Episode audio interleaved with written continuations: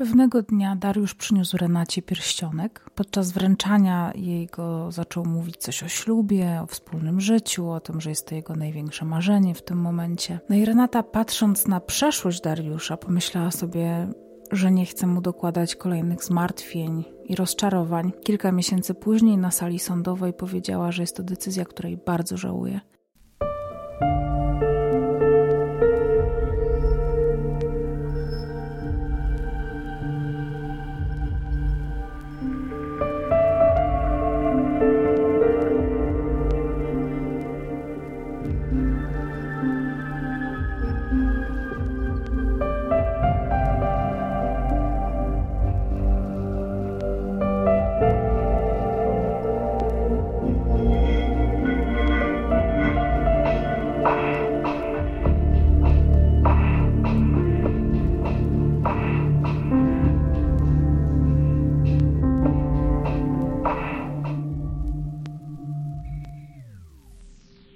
Historia, którą chcę Wam dzisiaj opowiedzieć, to jedna z takich historii, którą obserwowałam od samego początku.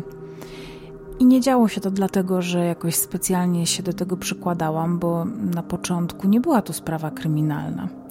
Pamiętam, że obejrzałam w 2013 roku, a wówczas oglądałam namiętnie magazyn Ekspresu Reporterów, bo jako jeden z niewielu programów e, takich reporterskich, miał swoje VOD i tam oglądałam sobie raz w tygodniu zbiór reportaży. I tak w grudniu 2013 roku trafiłam na reportaż Justyny Burdon pod tytułem Hiob. Ten reportaż opowiadał o wielkiej tragedii, właściwie to katastrofie, nawet można by to było tak nazwać, która wydarzyła się 10 maja 2013 roku w Jastrzębiu Zdrój, w jednej z takich spokojnych dzielnic domków jednorodzinnych w Jastrzębiu. Mieszkała rodzina państwa perzyńskich. Była to dość wielodzietna rodzina, e, taka bardzo osadzona w tradycji, w wierze katolickiej. I tę rodzinę tworzył e, Dariusz Perzyński, 46-latek, jego żona Joanna, która miała w 2013 roku 40 lat, córka Justyna, syn Wojtek, kolejna córka Małgosia, syn Marcin i najmłodsza z całego grona mała Agnieszka. Dzieci były w różnym wieku, bo Agnieszka miała niecałe 4 lata, natomiast najstarsza Justyna miała 18. Małgosia miała 13 lat, Marcin 10 i pomiędzy Justyną a Gosią jeszcze był Wojtek. Państwo perzyńscy oboje byli teologami z wykształcenia. Joanna pracowała w, jako katechetka w szkole, natomiast kiedy pojawiła się na świecie Agnieszka, która była nieplanowanym chyba dzieckiem, ale Dariusz opisywał, że to była taka iskierka, która się pojawiła nagle z nieba w ich życiu i bardzo wiele zmieniła na lepsze. Joanna stwierdziła, że zostanie w domu, będzie zajmowała się rodziną, natomiast na życie zarabiał Dariusz.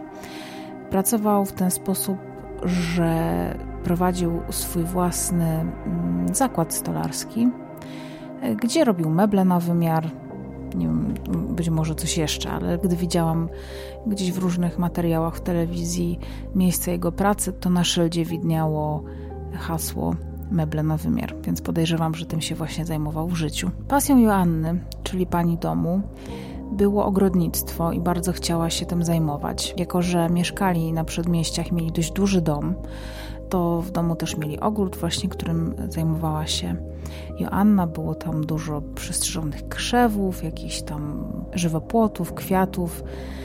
To była pasja Joanny. W 2013 roku rodzina Perzyńskich była uważana za taką bardzo zgodną, szczęśliwą rodzinę, bardzo pobożną. Chodzili do kościoła, zresztą udzielali się w różnych e, takich ruchach katolickich, między innymi należeli do ruchu Światło Życie. Dariusz był szafarzem, czyli taką osobą, która e, świecką osobą, która może udzielać między innymi e, Komunii Świętej. Często w kościołach takie coś można zobaczyć, szczególnie podczas takich mszy, gdzie przychodzi dużo osób. To wtedy zazwyczaj jeden ksiądz nie rozdaje komunii, tylko jeszcze towarzyszy mu drugi lub nawet trzeci ksiądz, a jeśli właśnie księży na przykład nie ma, to wtedy w takiej, w takiej sytuacji właśnie pomagają szafarze. O Dariuszu krążyły takie opinie, że jest człowiekiem wielkiej wiary, takim pogodnym y, mężczyzną, Zresztą on uchodził za osobę bardzo wierzącą, podobnie jak pani Joanna. Chłopcy, czyli Marcin i Wojtek, również poszli w ślady rodziców, jeśli chodzi o wiarę. Podejrzewam, że dziewczyny też, natomiast no, jakby tylko o chłopcach mam taką informację, że byli ministrantami, że służyli do mszy, byli też bardzo właśnie blisko kościoła i w tym się gdzieś tam realizowali, odnajdowali. Było to dla nich źródłem jakiegoś szczęścia. W 2013 Justyna miała 18 lat i za rok miała zdawać maturę. Gosia z kolei chodziła do gimnazjum, była taką bardzo pogodną, ciepłą osobą. Marcin z kolei, który miał 10 lat, y, miał pasję, mm, jaką była perkusja, i kilka miesięcy wcześniej dostał właśnie taką swoją pierwszą prawdziwą perkusję. Ćwiczył sobie i bardzo się z tego cieszył. I kochał właśnie muzykę, także też był takim pogodnym chłopakiem. Natomiast najmłodsza Agnieszka była taką, tak jak zresztą Dariusz wspomina, iskierką, potrafiła rozbroić każdego, y, potrafiła otrzeć nawet najbardziej gorzkie łzy i była takim po prostu słodziakiem, który tę rodzinę mm, rozweselał i nadawał wszystkim energii. I tak życie Perzyńskich płynie sobie spokojnie. I nadchodzi 10 maja 2013 roku, dzień jak co dzień. Dariusz wraz z żoną i z Gosią wybierają się do Pszczyny, czyli miasta niedaleko Jastrzębia, do ortodonty. Y, zabierają ze sobą Agnieszkę, tą małą córeczkę, no bo wiadomo, że jest na tyle mała, że nie może zostać sama w domu. Rodzeństwo jest w szkole, więc nie może się zająć. Jadą we czwórkę do Jaworzna, siedzą tego ortodonty, potem wracają, jedzą wspólnie kolację. No, wszyscy się rozchodzą do swoich pokojów. Niektórzy idą spać, niektórzy jeszcze spędzają jakieś ostatnie chwile. E, Dariusz wychodzi do pracy na nocną zmianę. Wychodzi z domu, zamyka na klucz dom i jedzie do oddalonych e, o 12 km Pawłowic, gdzie ma swój warsztat stolarski. Około godziny drugiej w nocy dostaje telefon od Wojtka, czyli swojego syna starszego, i z tego telefonu dowiaduje się, że dom płonie i że Wojtek nie może się skontaktować z nikim z rodziny, bo ogień odciął mu drogę, że jest na górze uwięziony, że słyszy tylko krzyk siostry, że nie może skontaktować się z mamą, że powiadomił straż pożarną i żeby tata szybko wrócił i pomógł im wydostać się z domu. Kiedy Dariusz przyjeżdża na miejsce, widzi zastęp wozów strażackich, widzi um, całą swoją rodzinę wyciągniętą już z domu. Wszyscy leżą na noszach, e, są też karetki, jest mnóstwo zamieszania, dom stoi w płomieniach. E, I Dariusz tylko mówi, że podchodził do każdych noszy i, i dawał buziaka, kto na tych noszach leżał, dawał krzyżyk, e, robił palcami krzyżyk na czole i mówił, że trzymaj się, wyzdrowie i tak dalej.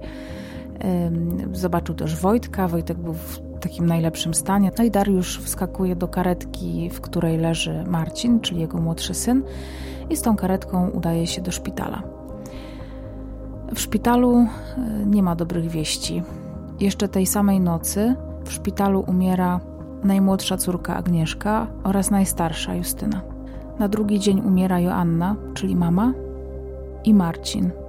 Cztery dni po pożarze umiera Małgosia. Dariusz wraz z Wojtkiem są załamani, zostali sami, nie mają gdzie mieszkać, nie mają gdzie żyć. Stracili całą rodzinę. Trudno sobie w ogóle wyobrazić taką tragedię. Szybko ta sprawa staje się medialna, no bo ogrom takiej tragedii jest na tyle niezwykły, że jednak no, prasa się nią prędzej czy później interesuje. Do Dariusza docierają dziennikarze, między innymi właśnie reporterzy magazynu Ekspresu Reporterów. Dariusz chętnie wpuszcza do domu, pokazuje im zdjęcia. Y, w dużym pokoju zresztą na ścianie wisi taki wielki obraz Jezu ufam Tobie. Na komodzie pod tym obrazem y, są figurki Matki Boskiej i zdjęcia właśnie całej piątki, całej rodziny. Y, no i Dariusz siedzi przed kamerą i mówi o tym, jaki, jakim Rodzina była dla niego wielkim skarbem, jak on ich bardzo kocha, jak, jak się do nich wciąż zwraca, mimo że wie, że już nie żyją, jak z nimi rozmawia. y, pokazuje też dziennikarzom taki album fotograficzny wydrukowany w formie komiksu, czyli są na jednej stronie znajduje się kilka różnych zdjęć i Dariusz doczepia do tych zdjęć właściwie dokleja czy dorabia gdzieś tam na komputerze takie chmurki i tam wpisuje jakieś teksty. Wygląda to dość dziwnie, no ale każdy ma jakiś swój gust. Być może w taki sposób Dariusz sobie lepiej radzi z żałobą. Ale oprócz tego, że często mówi przez łzy o swojej rodzinie, o tej stracie, którą przeżył, to cały czas powtarza, e, że wie, że teraz w domu pana wszyscy mają lepiej, wie, że widocznie takie były, tak było im pisane, że to trzeba po prostu przeżyć, że on musi ten krzyż nieść. E, dużo mówi o sobie, ale w jakiś taki raczej optymistyczny sposób się o tej tragedii wyraża, że, że po prostu tak, taki, taki, taki los go spotkał i on po prostu musi e, między innymi dla swojego syna, który ocalał, wziąć to na barki i ten ciężar przez życie unieść, mimo że nigdy nie będzie w stanie się pogodzić z tą sytuacją. Mówi też o tym, że pożar, który strawił całą jego rodzinę bez mała, został wywołany przez zwarcie elektryczne, prawdopodobnie gdzieś od żelazka. Na początku podejrzewa się, że właśnie pożar wybuchł w tak zwanej pralni czy prasowalni, oni chyba jakoś tak na to pomieszczenie mówili. No, generalnie jest tam mnóstwo ubrań, deska do prasowania, żelazko, jakieś tam kable. No i że tam pożar się wydarzył. Dariusz mówi, że najbardziej pocieszające w tej całej sytuacji jest to, że dowiedział się od ratowników, że najprawdopodobniej wszyscy mm, zmarli we śnie, co trochę się nie zgadza z tym, co mm, usłyszał Wojciech, który był w trakcie pożaru w domu i słyszał krzyki sióstr. Ale Dariusz wierzy w to, że odeszli we śnie, że, że nie cierpieli, że po prostu zatruli się y, dymem. Zresztą taka jest przyczyna śmierci wszystkich pięciu osób. Było to zatrucie tlenkiem węgla i cyjanowodorem, który się wytwarzał w trakcie spalania paneli czy jakichś sztucznych tworzyw w domu. W reportażu z magazynu Reporterów Dariusz też wspomina o tym, jakie olbrzymie wsparcie dostał od społeczności, jak go wspierali, czy modlitwą, czy finansowo, czy jakoś materialnie, w jakiś inny sposób. Ale też mówi, że ta tragedia dotyczy tylko jego i Wojtka, bo cytuję: mi się stała tragedia i to nie podlega żadnej dyskusji, ale kurz opadł, a każdy wrócił do swoich obowiązków. Ewidentnie czuje się osamotniony w tej sytuacji, ale wciąż stara się szukać pozytywów. Mówi też o tym, że on najbardziej się cieszy, że mógł przeżyć takie wspaniałe lata z całą rodziną, w której był kochany, w której on kochał a przecież niektórzy y, są z rodzin patologicznych, z rodzin alkoholowych, y, są molestowani i nigdy tego nie zaznają, nawet jeżeli będą żyć 100 lat. A on miał takie szczęście y, i taką rodzinę. I teraz jego celem jest pomaganie innym ludziom, bo on po prostu jest szczęściarzem w tym wszystkim. W tej całej wielkiej tragedii on i tak czuje, że, że był szczęściarzem, że miał taką rodzinę i to swoje cierpienie teraz ofiaruje za wszystkich e, innych poszkodowanych życiem i poranionych ludzi. Na tym materiale też można zobaczyć, jak pobożny jest Dariusz, bo w trakcie tego reportażu siedzi przy stole w dużym pokoju. E, na tym stole ma pismo święte, ma krzyżyk, e, siedzi, czyta książkę. Gdzieś wokół są właśnie te obrazy, figurki Matki Boskiej. No i tak Widać, że bardzo cierpi. Choć na koniec mówi, że odczuwa Boży pokój w sercu dzięki temu, że byli dla siebie dobrzy. Że cała rodzina była dla siebie dobra i bardzo się kochali. Wszyscy współczują Dariuszowi. Społeczność nadal jest w szoku. Pogrzeb, który odbył się kilka dni po pożarze, był olbrzymi, przyszły na niego tłumy ludzi. E, wszystkich chowano w tym samym grobie. Tego samego dnia był pogrzeb, więc w kościele zresztą są takie bardzo mocne zdjęcia, gdzie w kościele na ołtarzu leży pięć trumien, jedna brązowa dla Joanny i cztery białe dla dzieci. No niewyobrażalna sytuacja, niewyobrażalna tragedia, ale ten spokój Dariusza daje tak jakoś pokrzepia wszystkich w tej tragedii.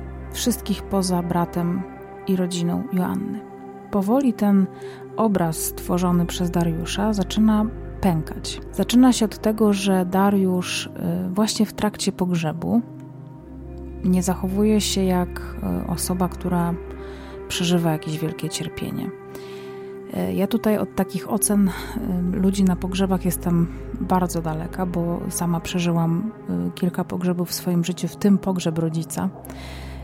I wydaje mi się, że przez, przez jakąś część osób mogłam być odbierana jako niezbyt, nie wiem, rozpaczająca, ale człowiek w różny sposób reaguje. Są reakcje takie bardzo, w cudzysłowie powiem, że klasyczne, ale to, to, to jest takie, no, no, nie wiem, no powiedzmy, że filmowe, że na pogrzebie oczekuje się tego, że wszyscy płaczą. Mogą też być pogrzeby, gdzie ludzie są po prostu, y, wyglądają jakby byli obojętni albo jakby byli kompletnie wyłączeni. Mogą być też ludzie, którzy na pogrzebach mogą się śmiać, mogą, nie wiem, się w jakiś sposób uśmiechać. Dariusz e, na pogrzebie swojej rodziny pocieszał żałobników, mówił do nich, e, utwierdzał ich, że, że nic takiego się nie stało. Był taki jakby najpogodniejszą osobą na tym całym pogrzebie. I rozumiem, że, że to może budzić jakieś takie pewne wątpliwości, ale wydaje mi się, że to też może, może czasami wynikać właśnie z tego, że, że kiedy się traci bardzo, bliskie, bardzo bliską osobę, on tutaj stracił pięć bliskich osób, to mógłby się zachowywać w taki sposób, że sam jakby tłumacząc sobie tę stratę i to w jaki sposób ona może być, może być trudna, właśnie przenosi gdzieś tam na inne osoby to tłumaczenie i w ten sposób też w jakiś sposób sobie ułatwia to przejście przez ten proces. No ale te wątpliwości się cały czas pojawiają. Oprócz rodziny podejrzliwa staje się policja. Nie ma w tym nic dziwnego z jednej strony, no bo przecież yy, co można robić w nocy w warsztacie, kiedy się jest jego właścicielem? Dlaczego akurat wtedy on tam pracował?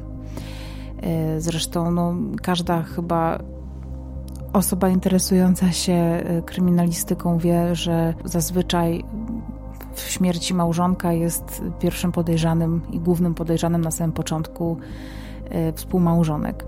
Więc nie było w tym nic dziwnego, że, że Dariusza podejrzewano na samym początku. Niestety, akurat w tym przypadku historia y, Dariusza zamiast się potwierdzać w toku postępowania, ona się właściwie coraz bardziej nie trzymała kupy. Siedem dni po pożarze albo siedem dni po pogrzebie mm, policja przeprowadza taki eksperyment, dlatego że policja odkrywa, że kiedy Wojtek próbował dodzwonić się do taty, do ojca w noc pożaru, to najpierw nie mógł się do niego dodzwonić.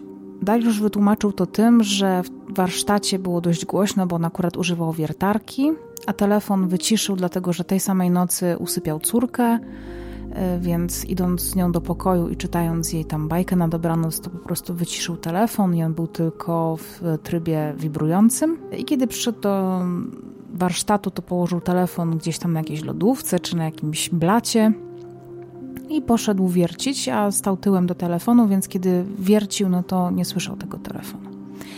Natomiast ten eksperyment y, faktycznie pokazał, że, że ten telefon był słabo słyszalny w trakcie wiercenia. Natomiast Dariusz y, nie, nie, wiercił w ten sposób, że brał wielką jakąś tam udarową wiertarkę i wiercił w ścianie i ten taki rzut wiercenia trwał na przykład 30 czy 40 sekund, tylko on wiercił jakieś małe otwory w drewnie i one były dość płytkie, więc to było wiercenie, wyciągnięcie wiertarki, y, poprawie, czy wydmuchanie trocin, potem kolejny wiert, znowu powtarzanie tego, czyli tam czyszczenie, wydmuchanie trocin i znowu wiert. I w czasie, kiedy on nie używał tej wiertarki, kiedy ona nie była włączona, to ten telefon było bardzo dobrze słychać. I Dariusz staje tak na środku tego warsztatu i mówi, że no, teraz ten telefon słyszy, ale wtedy go nie słyszał. Co do telefonu, mm, policja ustala, że pożar wybucha mniej więcej o godzinie 1.40. O drugiej już y, jest taki apogeum tego pożaru. No i Dariusz twierdzi, że jest tam w tych Pawłowicach w, warsztacie, czyli 12 km od domu, natomiast jego telefon w czasie pożaru loguje się w promieniu 4 km od domu, więc jego obecność w tych y, Pawłowicach jest niemożliwa. No, musiałby zostawić telefon w domu, natomiast jak sam stwierdził, telefon miał przy sobie, bo rozmawiał y, z Wojtkiem, zresztą Wojtek to potwierdza, w trakcie pożaru. Dariusz nie potrafi wytłumaczyć tego, dlaczego ten telefon się loguje koło domu, a nie w okolicach warsztatu. Powstaje taka, takie tłumaczenie, że wieża, która obejmuje mm, właśnie to, te okolice domu jest silniejsza, dlatego sygnał jest przechwytywany. Takie przełączenia się do innych wież y, mają miejsce wtedy, kiedy, te, kiedy sieć jest obciążona i na przykład dany BTS jest zbyt obciążony. No ale o drugiej w nocy w środku tygodnia to raczej jest niemożliwe. No i ponad wszelką wątpliwość policja stwierdza, że Dariusz kłamie na temat tego, gdzie był w nocy pożaru. I bezsprzecznie ustala, że znajdował się w okolicach swojego własnego domu. W tym czasie Dariusz, świadomy tego, że atmosfera wokół niego gęstnieje, y, umawia się z dziennikarzami na różne wywiady, chętnie ich udziela i zaczyna tworzyć jeszcze bardziej taki wizerunek ojca, który y, jest w olbrzymiej żałobie, y, który za tą rodziną bardzo tęskni.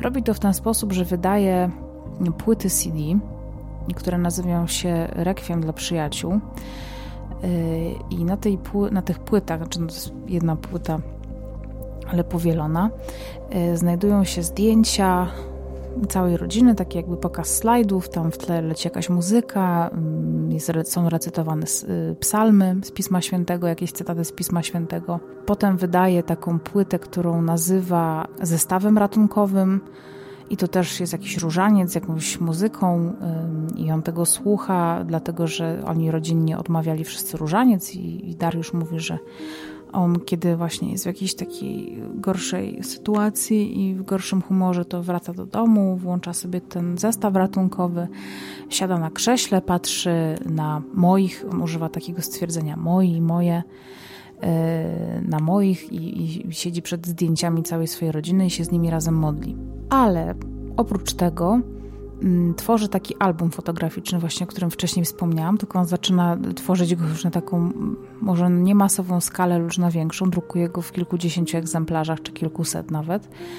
E, tam znajdują się zdjęcia całej rodziny z tymi takimi zabawnymi opisami e, i te albumy rozdaje dziennikarzom.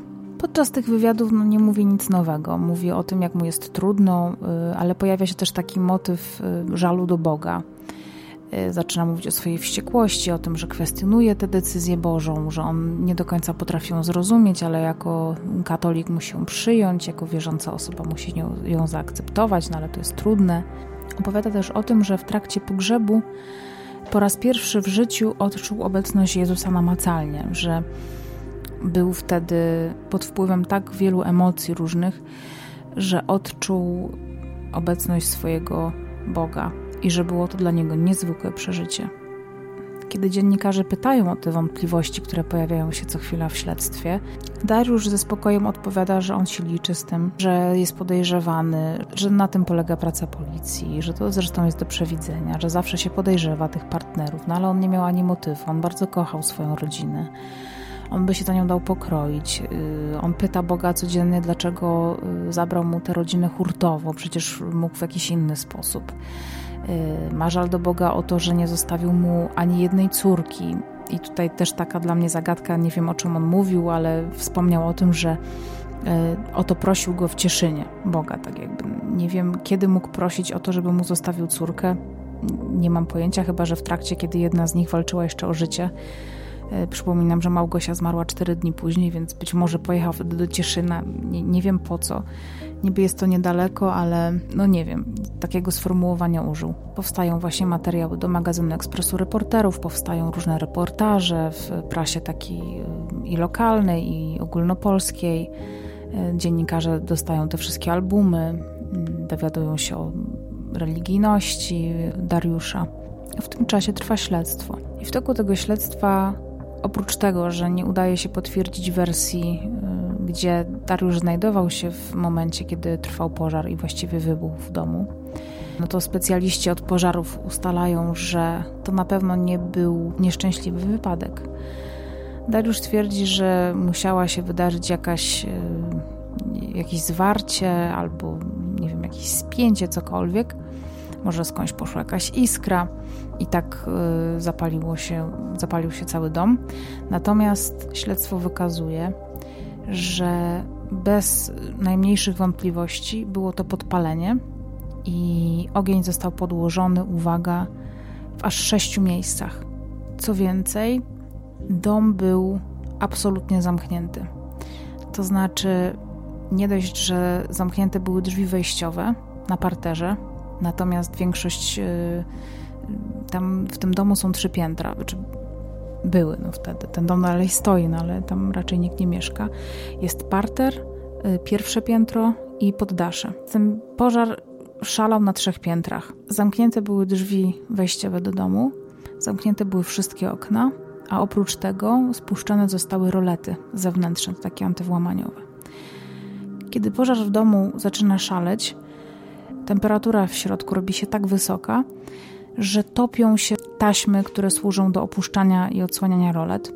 W związku z tym rodzina została pozbawiona jakiejkolwiek możliwości do tego, żeby tymi roletami operować. Wojtek jako jedyny uchodzi z życiem z tego wielkiego pożaru, dlatego że w jego pokoju okno nie posiadało rolety zewnętrznej i on zdołał otworzyć y, okno stosunkowo też szybko udało mu się zamknąć drzwi wejściowe do swojego pokoju i pewnie przysłonić tak, żeby dym się nie dostawał do środka. Natomiast mówi, że tego dymu było tyle, że on musiał przewiesić się przez to okno, tak żeby głowę trzymać pod parapetem, żeby ten dym, który wy, wylatywał z tego, buchał z tego jego pokoju i z całego domu, e, nie dostawał się do jego dróg oddechowych. I tylko dlatego Wojtek przeżywa pożar. W wielu wywiadach, których później udziela, mówi, że ma do tej pory olbrzymie wyrzuty sumienia, bo mówi, że y, może mógł jakoś pomóc, może mógł zareagować na te krzyki siostry, natomiast y, no, próbował wyjść z pokoju, natomiast ten dym był tak żrący, tak, tak, y, tak ostry, tak gorący, że no, nie był w stanie się ruszyć, więc jedyne, co mógł zrobić w takim, wiecie, myśleniu instynktownym, no to zamknąć te drzwi i, i jakoś uchronić się przed tym dymem.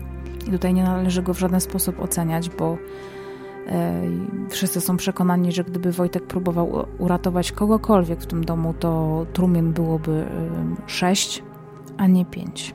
Dariusz po tragedii, kilka miesięcy po tej tragedii, wiąże się z inną kobietą, która ma cztery córki. Jednemu z dziennikarzy, który pyta o to wprost, czy to nie za szybko, czy to nie budzi pewnych podejrzeń, bo już gdzieś do mediów przedostała się informacja, że e, Dariusz Perzyński jest e, podejrzanym numer jeden w sprawie tego pożaru. Już wiadomo, że to było podpalenie i jest podejrzany o to podpalenie. Mm, on odpowiada, że to było jego olbrzymie marzenie, żeby znowu mieć rodzinę, bo on nie jest w stanie żyć sam, e, dlatego potrzebuje dużej rodziny. On tęskni za tymi córkami, więc Renata, którą poznał, która miała cztery córki, wydawała się idealną kandydatką do tego, żeby tę rodzinę stworzyć. E, on też bardzo chce, żeby ocalały Wojtek założył rodzinę, marzy o wnukach i na tym się w tym momencie skupia. Śledztwo nadal trwa i śledczy zadają sobie podstawowe pytania. W jaki sposób Dariusz podpalił całą rodzinę? Dlaczego to zrobił? Jaki miał ku temu powód? Na jaw wychodzą kolejne bardzo niewygodne fakty. Po pierwsze taki, że Trzy lata wcześniej ten sam dom również płonął. Wówczas doszło do jakiegoś małego spięcia elektrycznego i w wyniku pożaru doszczętnie tam spłonęło kilka pomieszczeń, a rodzina otrzymała z tytułu jakiegoś odszkodowania 200, coś pomiędzy 100 albo 200 tysięcy złotych. Trafiłam na sprzeczne informacje, więc nie wiem do końca jaka to była kwota. W materiałach e, superwizjera padają kwoty około 200 tysięcy, natomiast dziś w prasie czytałam, że to było 100 tysięcy, więc no powiedzmy, że prawda może leżeć po środku. Trzy lata później e, znowu wydarza się pożar, tym razem ginie pięć osób. Mm, no i ten fakt e, przede wszystkim nie tylko wzbudza wątpliwości wśród policjantów, ale przede wszystkim wśród rodziny Joanny Perzyńskiej. Głównie jej brat jest podejrzliwy. A więc śledczy przyglądają się tym faktom, bardzo niewygodnym. i odkrywają, że dom e, Perzyńskich był ubezpieczony tylko i wyłącznie od pożaru. Nie był ubezpieczony od zalania, nie był ubezpieczony od kradzieży, od włamania, e, tylko pożar. Dariusz nie potrafi wytłumaczyć, zapytany wprost, dlaczego akurat tak. No, on powiedział, że no przecież y, kiedy ktoś by się tam włamał, to nawet nie miałby co ukraść, ale no jednak pożar to, to po prostu no, od pożaru, dlatego ten dom jest ubezpieczony. Więc policjanci zaczynają podejrzewać, znaczy nie tylko policjanci, śledczy ogólnie, zaczynają podejrzewać, że motywem mm, mogło być, mogły być finanse. Więc przyglądają się bliżej, no i trafiają w dziesiątkę trzy tygodnie przed pożarem drugim, tym, w którym zginęła rodzina. Y, Dariusz ubezpiecza Joannę u kilku ubezpieczycieli na łączną sumę kilkuset tysięcy złotych. Co więcej, okazuje się, że w tym ubezpieczeniu, w, tych, w umowach tych ubezpieczeń jest zaznaczona opcja, że w wypadku śmierci Joanny, yy, nagłej, jakiejś y, właśnie w wyniku tragedii, to ta kwota się podwaja. Szybko udaje się ustalić, że łączna kwota tego ubezpieczenia, które mógłby otrzymać Dariusz po śmierci swojej żony, wynosi około miliona złotych. Mężczyzna jednak nie wypłaca tych pieniędzy, ale śledczy docierają do informacji, że w niedługim czasie po śmierci swoich bliskich Dariusz zwrócił się do wszystkich ubezpieczycieli z wnioskiem o wypłatę odszkodowania. Natomiast y, każdy z ubezpieczycieli odmówił wypłaty ze względu na trwające śledztwo i wyjaśnienia tego pożaru i przyczyn tego pożaru. Szybko też wyjaśnia się powód, dla którego Dariusz potrzebował tak dużej sumy pieniędzy. Okazało się bowiem, że ma olbrzymie długi. Około 2 milionów złotych długów e, ogólnie, do tego milion złotych od długów e, powstałych w wyniku jakichś tam podatkowych e, niewywiązywania się pewnie, nie wiem, czy nie płacił podatków, czy miał źle je wyliczone, plus około pół miliona odsetek, co łącznie dawało 3,5 miliona złotych. Ta kwota 3,5 miliona złotych oraz ten milion, który mógłby zyskać w wyniku śmierci żony, y, będzie takim argumentem, którego Dariusz będzie później używał jako mm, w cudzysłowie potwierdzenie swojej niewinności. Przecież kwota, którą by otrzymał, nie pokrywa nawet 30% tych długów, więc y, i tak by ich nie spłacił, więc jakby ten motyw staje się bledszy. W marcu 2014 roku Dariusz Perzyński zostaje zatrzymany pod zarzutem podpalenia domu i spowodowania śmierci pięciu osób. Utrzymuje, że jest niewinny.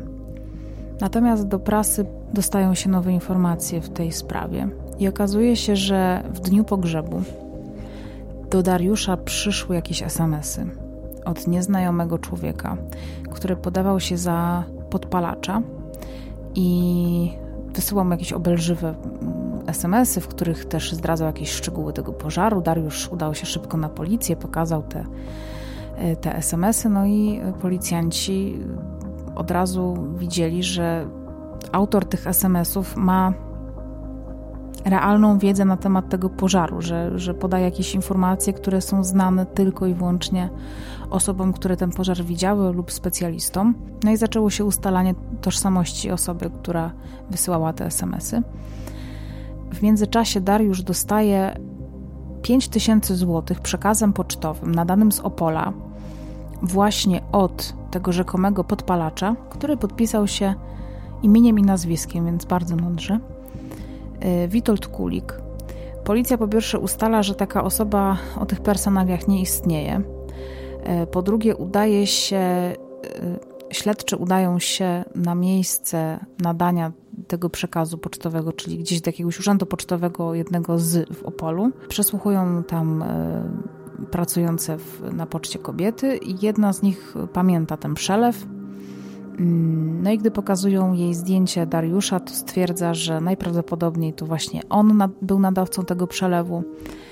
No i Dariusz, postawiony przed tymi e, faktami, przyznaje się do tego, że to on sobie te SMS-y wysyłał, e, co powinno być gwoździem do trumny już w tym momencie. Natomiast on ma e, takie wytłumaczenie, że jako że miał świadomość tego, że wokół niego kręcą się służby i próbują, e, czy go śledzą, czy próbują go w to podpalenie wrobić, to on z racji tego, że to było tak świeżo po tragedii, chciał ją przeżyć w samotności z synem, chciał mieć czas na pożegnanie się z rodziną mm, i chciał chociaż na chwilę odsunąć od siebie podejrzenia, więc wymyślił tego podpalacza i skierował śledztwo na inne tory, za co też zostało postawione mu później zarzuty, że utrudniał śledztwo i, i właśnie mataczył.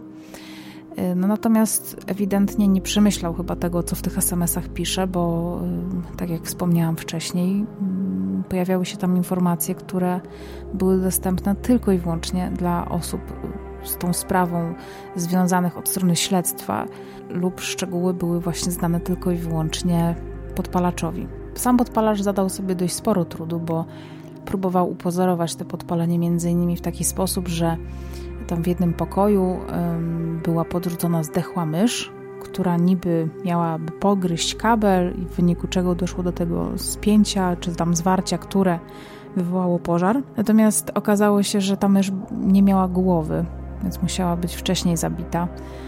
E, więc było mnóstwo takich szczegółów, no, które po pierwsze wskazywały na to, właściwie to nie szczegółów, tylko wielkich dowodów, które wskazywały na to, że po pierwsze to nie był wypadek, że to było podpalenie, sześć miejsc pożaru, e, czy sześć miejsc startu pożaru, do tego właśnie jakieś próby pozorowania tego, e, odcięcie rodziny od e, jakiejkolwiek drogi ucieczki, znajdowanie się w pobliżu domu w trakcie właśnie tego pożaru.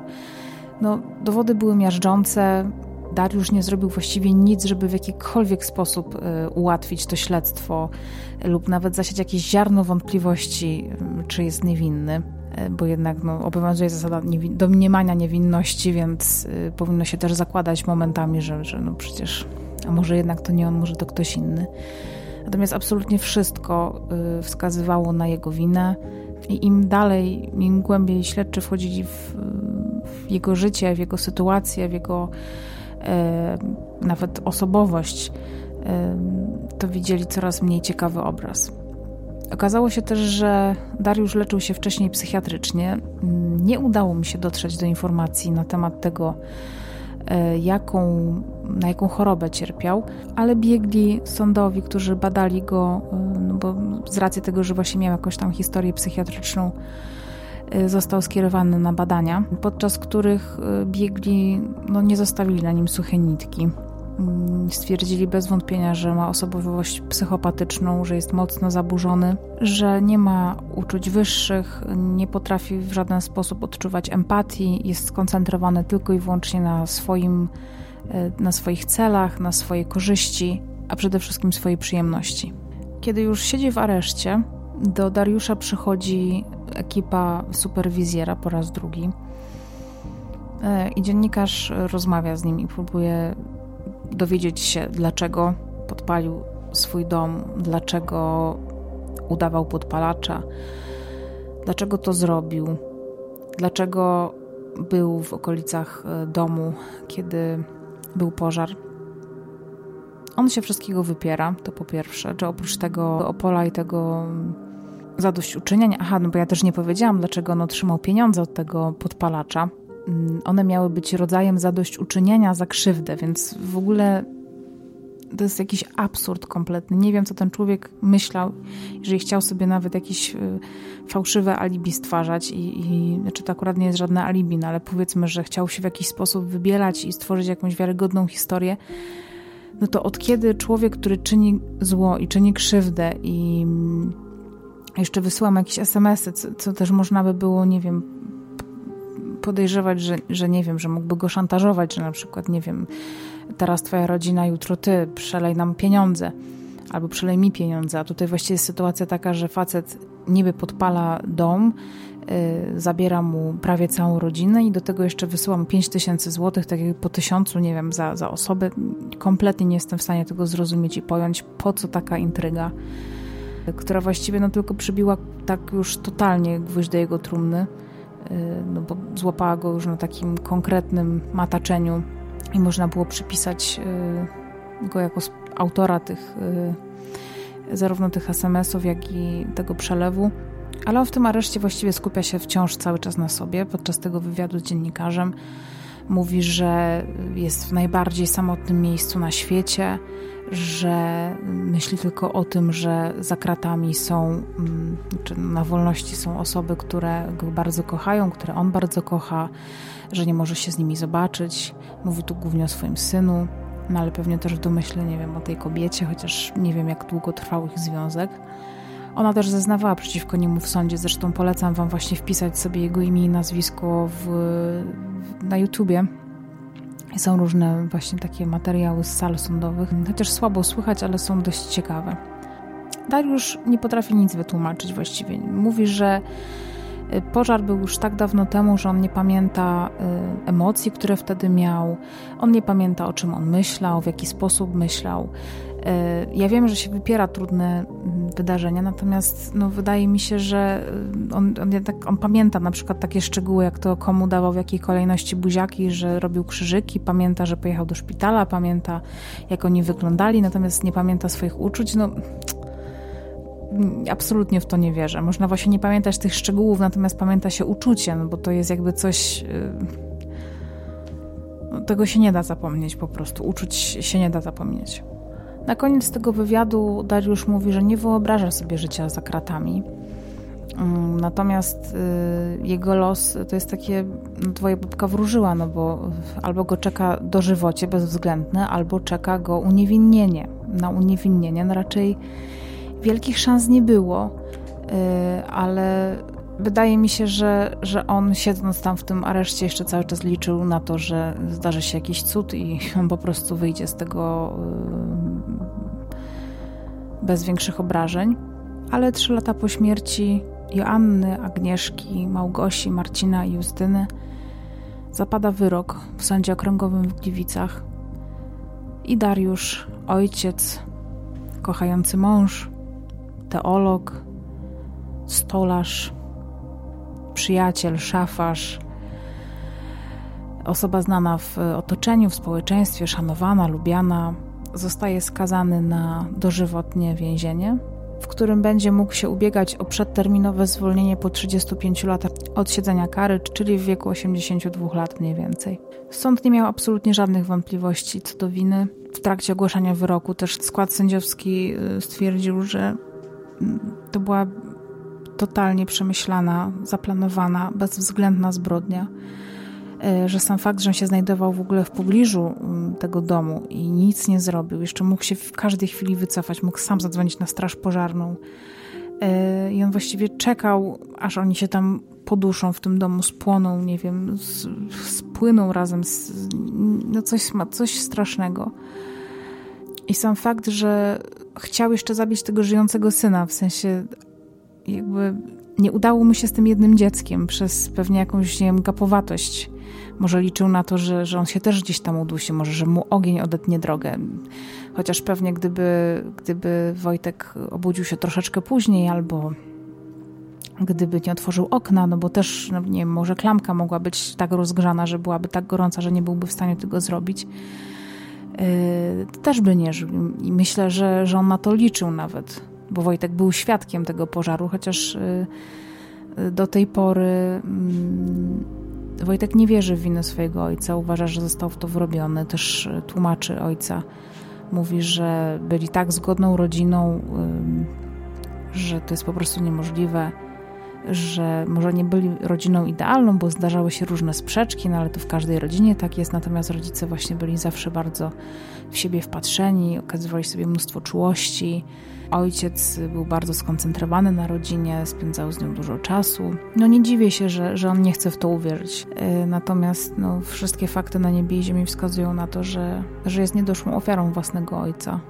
I życie z taką świadomością pewnie musi być e, potwornie trudne.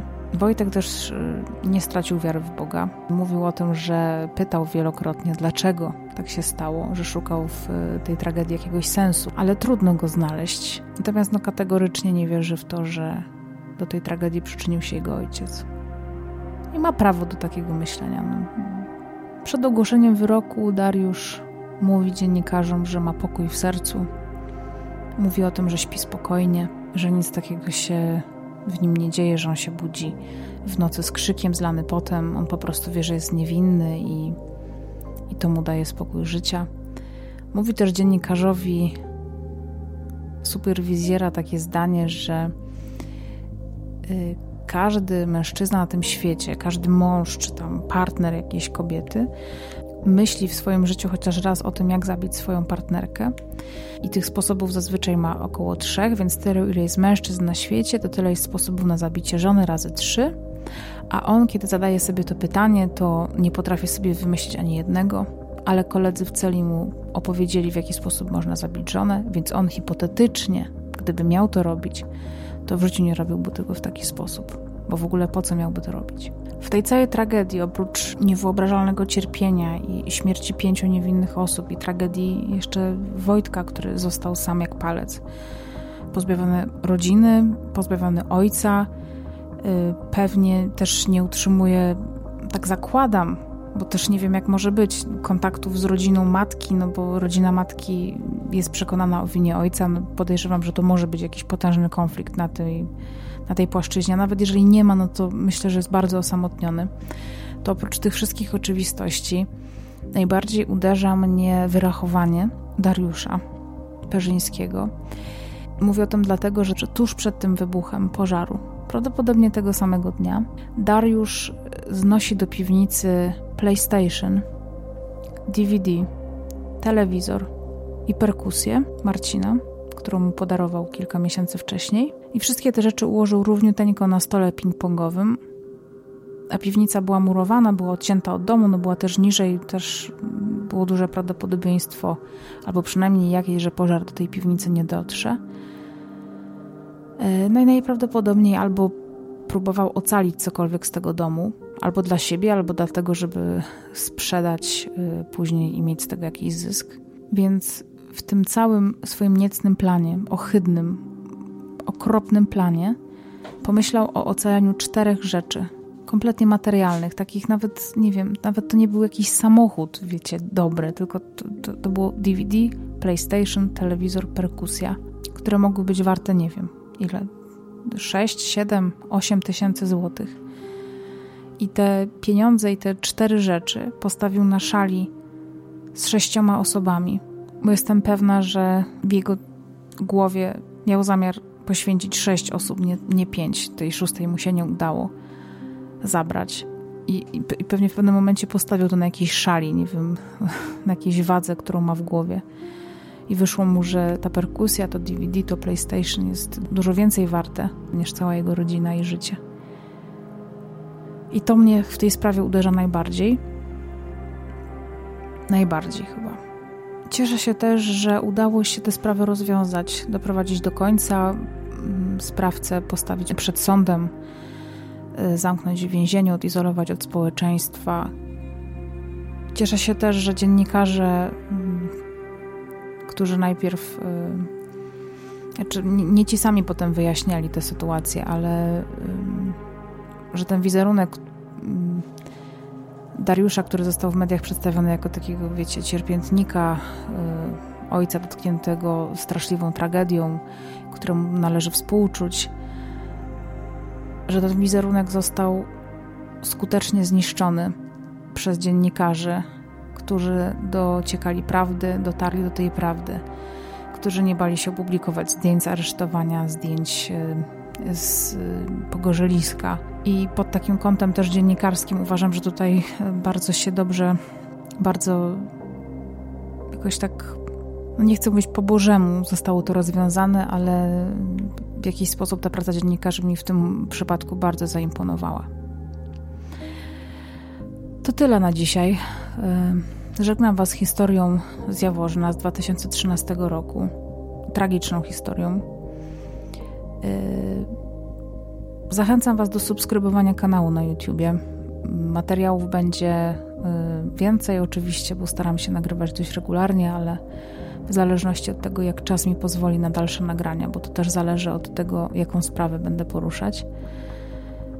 Zachęcam Was też do zostania patronami tego podcastu. Możecie to zrobić wchodząc na stronę patronite.pl łamane przez Justynę Mazur. Możecie tam sobie wybrać próg, yy, przeczytać yy, o celach, jakie chcę osiągnąć e, i wspomóc moją twórczość. każdą pomoc jestem bardzo wdzięczna. Patronom domownikom, czyli Joasi, Kasi i patronce anonimowej. Bardzo dziękuję i do usłyszenia.